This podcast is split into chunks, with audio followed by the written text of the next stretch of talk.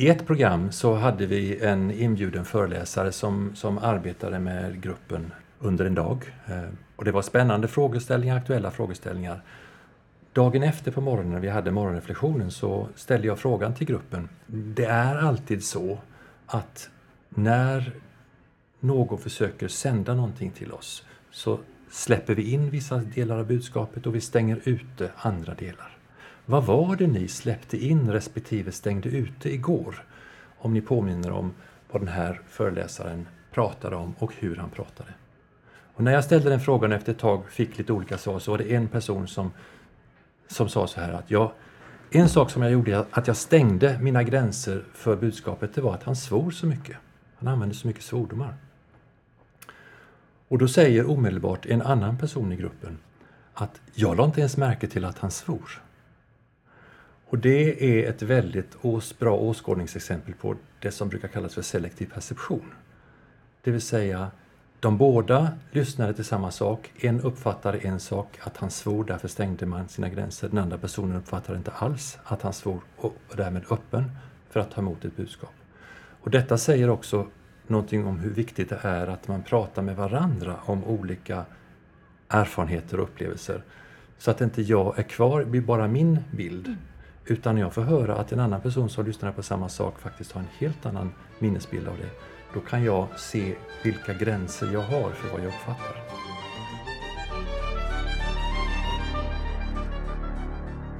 Hej och välkomna till denna podcast. Idag ska vi prata om hur vi blir klokare. Och med oss i studion idag har vi Stefan Axelsson och Pernilla Petrelius Karlberg som båda är programledare här på IFL. Säg mig, hur blir man klokare?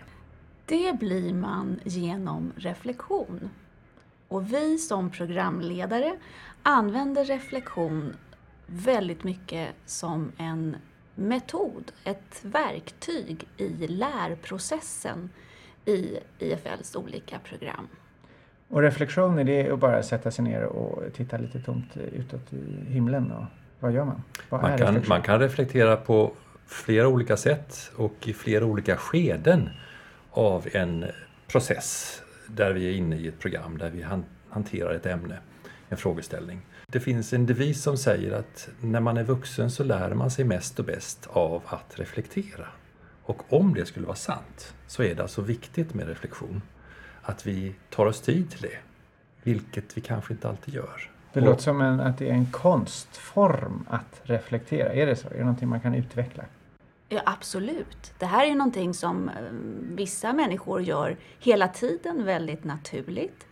Eh, och andra har lite svårare för att eh, ta sig tiden, eh, lugna ner sig, eh, men också ha tålamodet att verkligen eh, genomföra reflektionen och se att någonting händer med en själv. Så bara för att definiera reflektion, det handlar om att tänka på någonting speciellt, eller? Ja, eh, ett sätt att beskriva det på är att... Eh, jag skulle koppla tillbaka till det Pernilla sa alldeles nyss mm, eh, angående eh, hur och när vi reflekterar och, och vad, möjligtvis vad som är svårigheter. En svårighet det är ju det som våra deltagare möter i deras vanliga vardag. Där tempot är så högt. Saker och ting händer snabbt, saker och ting händer oväntat, de behöver agera. Då är vår upplevelse att man tar inte chansen, man får inte chansen, man upplever sig inte ha tid till att reflektera. Och då tappar man någonting. Då tappar man någonting i att förstå vad det är som händer, både i den enskilda händelsen men också med sig själv. Och lära sig av det. Så det är... Eh, det och det vill, vi, det vill vi väva in i ett programs flöde när vi tar upp olika teman och ämnen. Så att i bästa fall deltagarna upplever att här fick jag fatt i någonting. Här såg jag någonting som jag inte riktigt har sett tidigare. Om det blir en positiv upplevelse så är vår förhoppning att de, både de metoderna vi använder men överhuvudtaget att hitta sitt eget sätt att reflektera, att de tar med sig det hem till sin vardag. Och vad är det de tar med sig hem? Ja, att reflektera handlar mycket om att eh, observera och eh, förstå eh, en händelse men att kunna byta perspektiv. Att eh, observera det här utifrån olika förhållningssätt och därmed också vidga sin egen förståelse för vad man har iakttagit eller vad man har lärt sig. Men det handlar också om att se hur man själv påverkas av någonting. Att kunna observera sig själv lite på distans och därmed också se sina egna mönster, beteendemönster. När man har den här, får den här medvetenheten, då kan man också eh, göra valet om man vill, vill, vill fortsätta på det här viset och man kanske vill anpassa sig mer efter det här sättet. Eller om man faktiskt vill förändra sig. Så det är en del i, i också i, i, sin egen utveckling. Synonyma ord är självobservation, självdistans, ta perspektiv, eh, ställa sig utanför sig själv. En sak som IFL ofta har som en som en kärna i, i olika program är att vi pratar om en lärcirkel, hur vi människor lär oss.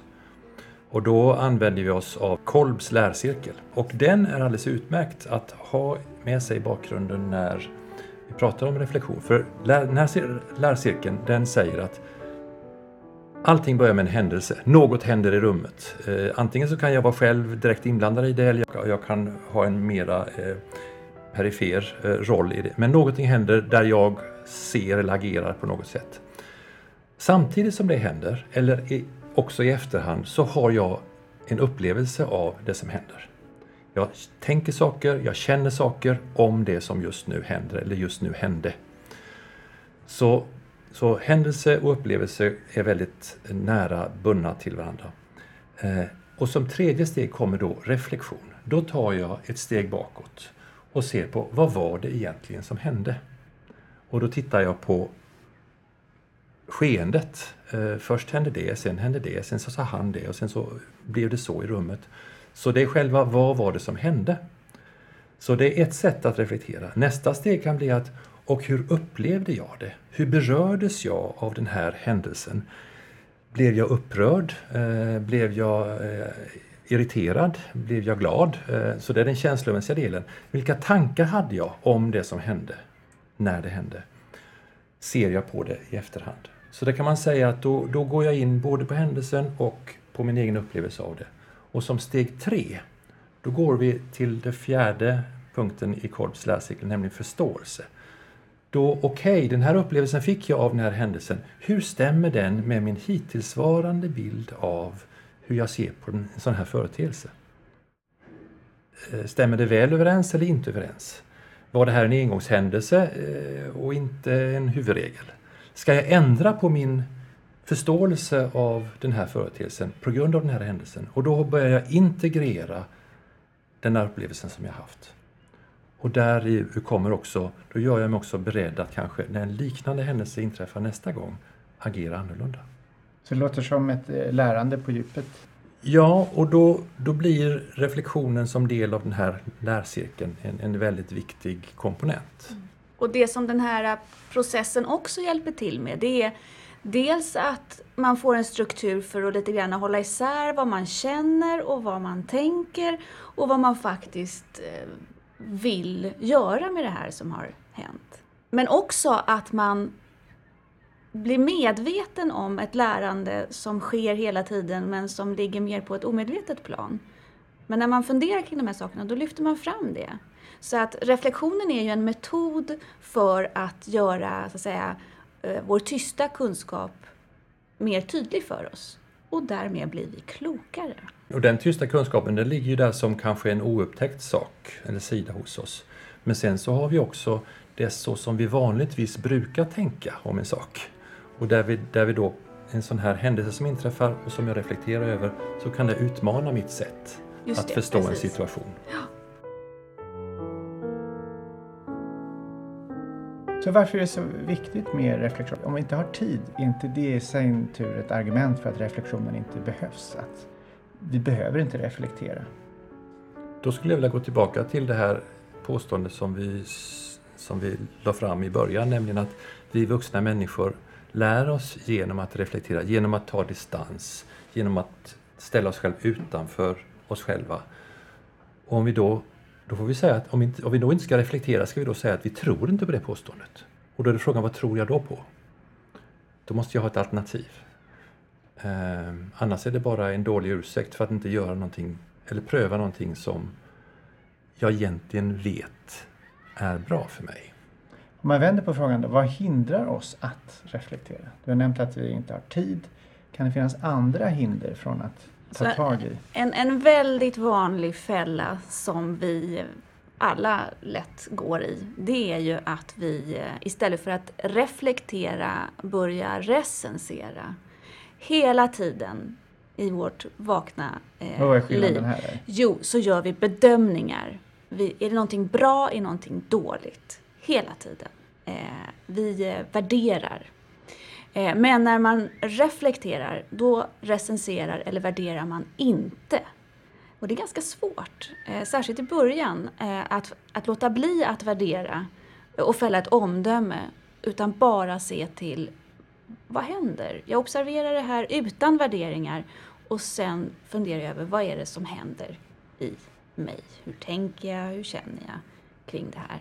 Men inte ta ställning till huruvida det var bra eller dåligt. Och då kan man ju fråga när kommer sådana här reflektionspass in i ett program? Och de kan komma in i olika lägen. En eh, nästan stående punkt som, som finns med i de flesta program det är det vi kallar morgonreflektion. Då vi ger oss både tid och utrymme och andrum för att fånga gårdagen.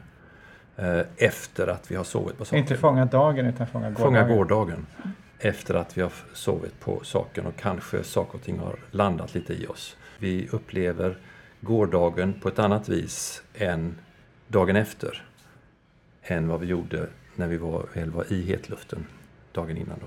då kan man reflektera efteråt och så kan man se vad var det egentligen som hände, hur berördes jag och så vidare och vad, vad tog jag med mig. Och sen så kan man också reflektera när det händer, mitt i skeendet. Då kan jag som programledare till exempel säga att jag kan säga att låt oss stanna nu lite här. Vad är det som händer i rummet just nu? Eller det som den här personen sa. Hur tog ni emot det?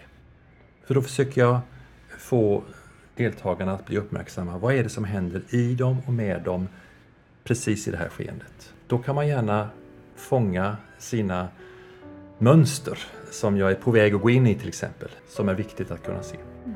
Och som är väldigt viktigt i, lär, i lärandet.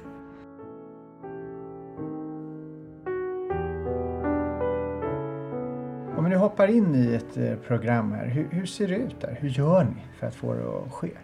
Reflektion. Eh, ofta så tycker jag att det är bra att var och en får ta några minuter och reflektera själv. Och gärna skriva ner sina, sina funderingar och sina tankar. Eh, men att eh, det är en väldigt, ett stort värde med att dela de funderingarna för då får man höra hur andra tänker vilket är input till sitt eget tänkande och, och väcker nya tankar. Eh, och då är det ju viktigt att eh, ha ett sådant klimat så att man alla känner att de kan eh, vara öppna med vad det är för tankar som kommer upp. Så det Eh. behövs ett sådant klimat innan man egentligen kan börja reflektera, eller? Om det ska bli riktigt bra. Om det ska Ja. bli riktigt bra.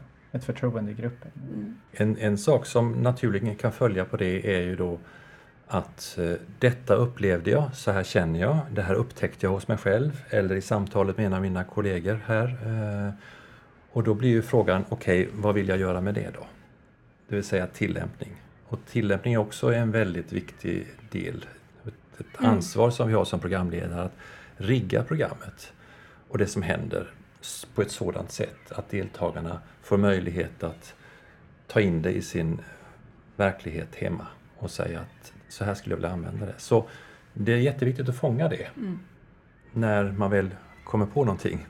Och be kanske, som du säger Pernilla, skriva ner eh, och eh, sen återkomma. Kanske dagen efter, så här ska jag använda det som jag var med om igår. Eh, så det är en, en, Kan ni- utan den punkten så, så blir det mer reflektion för sin egen sak.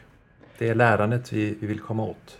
Kan ni gå igenom ett pass? Hur ser det ut när ni klockan är kvart över åtta och eh, kvart i nio slutar ni? Hur ser ett sånt upplägg ut? Ett reflektionspass. Ett reflektionspass. Ett sätt att göra det på det är att ehm, jag kan fånga en enskild händelse från gårdagen Och så kan jag be eh, gruppen att säga nu när ni, har, när, när ni har distans till det som hände, hur förstår ni er på? Vad hände eh, och eh, vad överraskades ni av, av det som hände?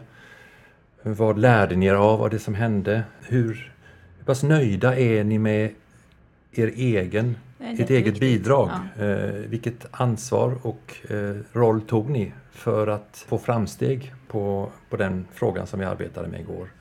Så det, så det är en att, eh, viktig del tycker du Pernilla? Ja, jag tycker det som Stefan är, också beskriver här det är ju eh, att både hantera det, alltså innehållet i det som man har haft i, i programmet eh, och eh, diskutera det både på en generell nivå och en mer specifik nivå. Eh, men att inte glömma bort att också ha med eh, processen för individen Eh, just som Stefan säger, på vilket sätt bidrog jag till den här lärprocessen i rummet? Och fundera kring sin egen roll och sitt eget ansvar. Och där finns ytterligare en nivå för att visst är det så att eh, varje deltagare är en enskild individ och eh, jag kommer med min bakgrund som deltagare till det här programmet. Jag har mina ambitioner med programmet, eh, vad jag vill nå och så vidare. Men det räcker inte, jag är också del av en grupp. Om man då är i en sån här deltagargrupp, kanske ett program på tre, fyra, fem veckor, så blir hur gruppen utvecklas blir också en del av lärandet. Och där har var och en ett ansvar och inte bara nöja sig med om jag fick eller inte fick med mig det från det här ämnet som, som är bra för mig. Jag är också del av en grupp, så då kan man också låta gruppen titta på, om vi nu höjer oss till gruppnivå, vad var det ni såg? Hur tog sig den här gruppen fram igår? Vad var det som den gjorde på gruppnivå? Till exempel om hur man eh, hanterar olika typer av olikheter i gruppen. Olika deltagare för fram olika saker, kommer med olika sakkunskaper och så vidare. Hur lyckades vi integrera det i gruppen när det gäller att bygga tillit till exempel? För det är en sak som de själva har också väldigt mycket nytta av när de kommer hem. Där de själva är ledare för olika typer av grupp, projektgrupper eller enhetsgrupper av olika slag.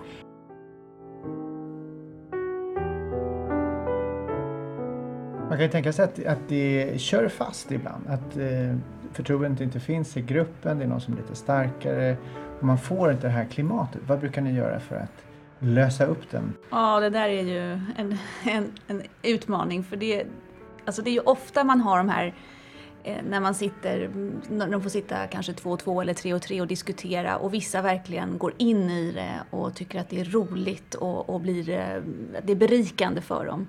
Och andra de, de är liksom färdiga på två minuter och sen pratar de om annat. Eh, och de, de ska man då eh, entusiasmera. entusiasmera. Jag tror det är du duktig på, Stefan.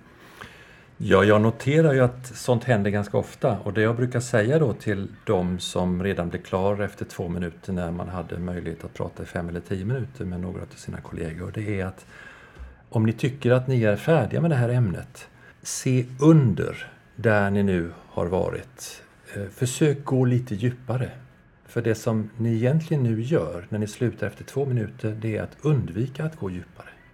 Om ni skulle tillsammans gå lite djupare där ni slutade, var skulle ni hamna då?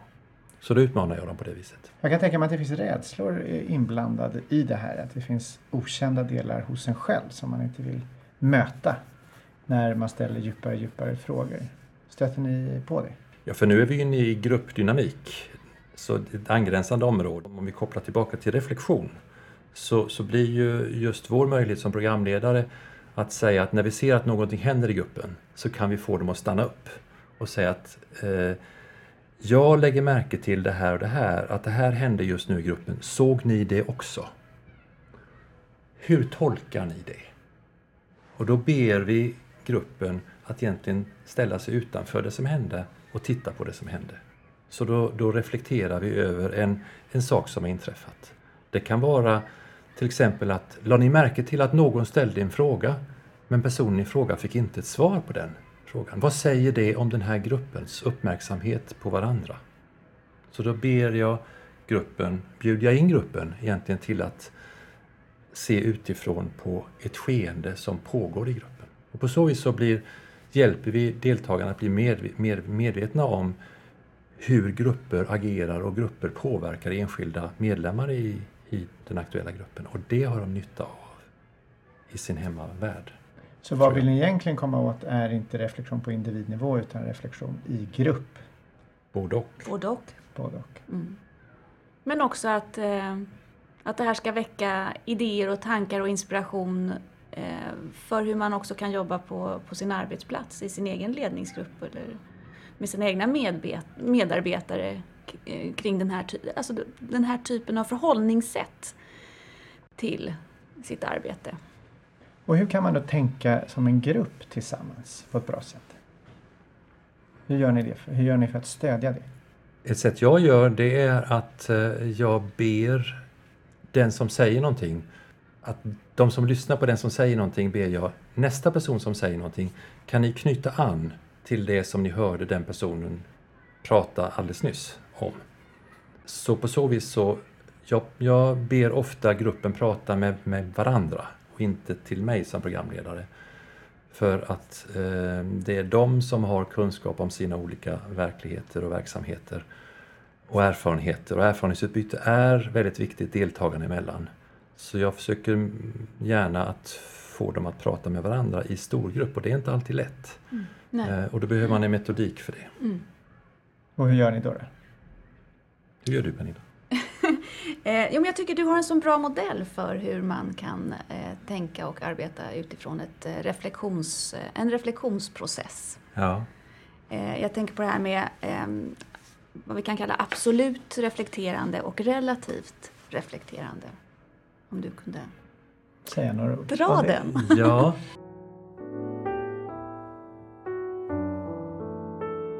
Jag var inne på den nyligen faktiskt, apropå det här med eh, Kolbs lärcirkel. Först en händelse, sen en upplevelse och när vi då reflekterar över den, då, då, då går vi först till händelsen. Vad var det som specifikt som hände? Hur ska jag förstå mig på det som hände? Det är den, då, det är den första delen av den absoluta reflektionen. Den andra delen är att, och hur upplevde jag det? Vad var min faktiska, hur berördes jag? Känslomässigt, vad tänkte jag? Så då är jag i det faktiskt som hände, i det absoluta skeendet som jag nu ser tillbaka på. När jag har gjort den betraktelsen, då så använder jag det jag har funnit där till att jämföra det med min, min hittillsvarande förståelse av den här företeelsen, eller min världsbild. Mina mentala kartor om hur världen hänger ihop. För vi har alltid mentala kartor som vi går och bär på om hur världen hänger ihop. Och så ser jag, stämmer den här upplevelsen, den alldeles nya färska, med min hittillsvarande gamla mentala karta? Gör den det så är jag fortfarande lycklig. Gör den inte det, då får jag ställa mig frågan, har jag anledning att ändra på mina kartor, mina, min förståelse av den här saken? Och då relaterar jag, det är den relativa delen av reflektionen, då relaterar jag till min hittillsvarande världsbild. Och på så vis så, så sker det en, någon slags ja, en mental eh, förändring i hur jag förstår mig på mig själv, hur jag tolkar händelser i förhållande till min världsbild om saker och ting. Det låter som man behöver vara rätt medveten och kunna skilja dem åt. Var är min världsbild? Var är den inte? Ja. När spelar den in? Jag kan, jag kan ge ett exempel. Eh, vi gjorde eh, en reflektion i ett program som jag arbetade med där vi hade haft ett, eh, en modul med finansiell ekonomi och redovisning och de flesta som gick det här programmet var inte ekonomer från början. Eh, vi hade med en marknads och kommunikationschef som nog var ganska skrämd inför det här ämnet och hade egentligen inte valt det själv utan var liksom dit placerad av sin chef. Eh, och eh, hennes reflektion efter att ha genomgått den här modulen som var väldigt tung och väldigt jobbig, där hon verkligen kämpade, eh, var att hon, ha, hon var inte lika rädd för ämnet längre. Men framförallt så märkte hon vilken eh, status det innebar på, innebar på hennes arbetsplats. Att kunna prata i de här termerna, att kunna ställa frågor om det här ämnet. Eh, och plötsligt så kunde hon föra sin diskussion och sin agenda fast med ett nytt vokabulär. Och det var ju väldigt värdefullt för henne. Och plötsligt så kunde hon också använda den här kunskapen på ett sätt som hon inte alls hade föreställt sig att hon skulle ha användning för innan hon gick programmet. Och var kommer reflektionen in? Reflektionen kom ju för henne att nej men, hon såg att hon använde den här kunskapen på ett annat sätt än vad hon hade tänkt att hon skulle göra. Och hon kände att hon också hade ett annat förhållningssätt till ämnet eh, och att det stärkte henne och eh, gjorde henne tryggare i hennes roll som information och kommunikationschef. Och det där andra förhållningssättet, Ja. det var just det här, då hade hon ändrat på sin mentala karta Sin världsbild, precis. utifrån någonting som hade inträffat alldeles nyligen. Ja. Och det här var inte längre någonting som hon med liksom nödvändighet behövde distansera sig till eller vara rädd för, utan istället eh, någonting som hon kunde så att säga använda, men på sitt sätt och, och utifrån sin position. Jag får intrycket att reflektion handlar om okay, hur känner jag inför den här situationen. Och, men det är inte så utan det är mer Men här var det väldigt mycket känslor, men det, fin- det fanns också naturligtvis ett, ett, ett kunskapsområde som den här personen i fråga kände väldigt mycket kring och de känslorna förändrades. för att hon blir mer trygg i situationen. Ja, och också kunnig om vad, vad de här olika eh, begreppen och koncepten står för. Jag skulle vilja säga för mig att, att, att reflektion handlar om att få syn på mina handlingsmönster, mina tankemönster, mina känslomönster. Just det. Genom händelser som inträffar och hur jag berörs av det. Då får jag syn på, herregud, så berörd blev jag av den här händelsen. Och när jag upptäcker det så ska jag då jämföra dem med min, mina mönster. Och mina mönster är samma sak som det här med hur jag tänker om det här och hur jag känner om det här och hur jag, normalt brukar handla i de här typerna, det vill säga min världsbild. Så, så det handlar egentligen om att jag ska få syn på hur jag agerar och reagerar i olika situationer. Och att jag då kanske upptäcker att det är inte alltid så väldigt ändamålsenligt det jag gör. Det låter som man behöver reflektera lite varje dag. Ja, och jag skulle vilja lägga till en sak som är en möjlig tillämpning. Om vi nu gör det här i programmen så, så vill vi gärna att, att deltagarna ska pröva olika sätt att göra det på. Ett sätt som man skulle kunna göra det på det är att säga att jag då kommer tillbaka efter en sån här programvecka och blivit lite inspirerad av att jag kan reflektera och hur jag reflekterar. Då kan jag göra så här att eh, jag bestämmer mig att i slutet av varje vecka, eller nästa vecka, så, så sätter jag mig ner, tar en stund för mig själv, en kvart, där jag väljer ut en händelse eller en situation som har inträffat i närtid, under veckan till exempel. Något som är viktigt för mig, eh, något som berörde mig, och som är relevant för organisationen som jag eh, är del av. Eller som, som jag har reagerat oväntat eller starkt på. Och sen så börjar jag, så rekonstru- börjar jag att rekonstruera det här händelseförloppet. Vad var det som hände egentligen? Vem gjorde vad, i vilken ordning och hur? Vad var de yttre omständigheterna som faktiskt hade inflytande över den här händelsen? Vad blev resultatet? Så då har jag, försöker jag fånga händelsen. Och sedan så försöker jag fånga min egen upplevelse. Hur berördes jag? Vad kände jag? Vad tänkte jag? Vad gjorde jag egentligen? Och när jag sedan i steg tre summerar det här då så, så blir det vad har jag lärt mig om mig själv utifrån att jag nu ser på den här händelsen utifrån. Vad säger den om mig? Stämmer det med hur jag vanligtvis förstår den här typen av saker? Eh, eller behöver jag ändra på någonting? Eh, och hur vill jag använda den här erfarenheten som jag just nu har gjort framöver? Så det kan jag göra själv, den här typen av reflektion. Men jag kan också bjuda in mina medarbetare i min grupp till att säga låt oss sitta tillsammans. Ta ut en sak som hände i veckan och så gör jag samma sak. Så leder jag, faciliterar jag ett reflektionspass med mina grupper. Då, är vi, då har vi verkligen börjat praktisera det här på ett bra sätt. Vad bra! Ja. Karl, vad tänker du nu? Vad känner du? Vad har Hur- du lärt dig? Hur har jag reflekterat? Har du blivit klokare? Ja, jag tyckte det var intressant att höra eh, de här kopplingarna kring det här. Nu kommer jag inte ihåg namnen precis, men att först fånga in händelsen, den absoluta reflektionen och sen relatera den till min tidigare världsbild och försöka förstå hur situationen ser ut och hur jag i det här glappet emellan, om det här ändrar någonting med mig. Och det där blir tydligast när det inte fungerar, när mitt sätt att vara inte får det, den responsen Mm. som jag önskar. Mm. Jag kommer inte vidare. Och då blir det ju någonting, ett glapp här som är intressant att eh, försöka förstå. Och sen resonera kring hur, hur jag kan släppa taget om frågan. Och då blir det andra, andra saker som kommer upp eh, kring ja, vem jag är och mitt, mitt ego kontra att liksom släppa det för att då fånga in det som finns eh, närvarande just då. Så det är väl lite de reflektioner jag gör kring det hela. Och med det så vill vi gärna eh, tacka för att ni har lyssnat eh, så här långt. Eh, stort tack eh, Stefan, stort tack eh, Pernilla. Tack Carl. Tack. Och eh, vill ni lyssna mer på IFLs podcast så kan ni surfa in på ifl.se inspiration. Tack för att ni lyssnade.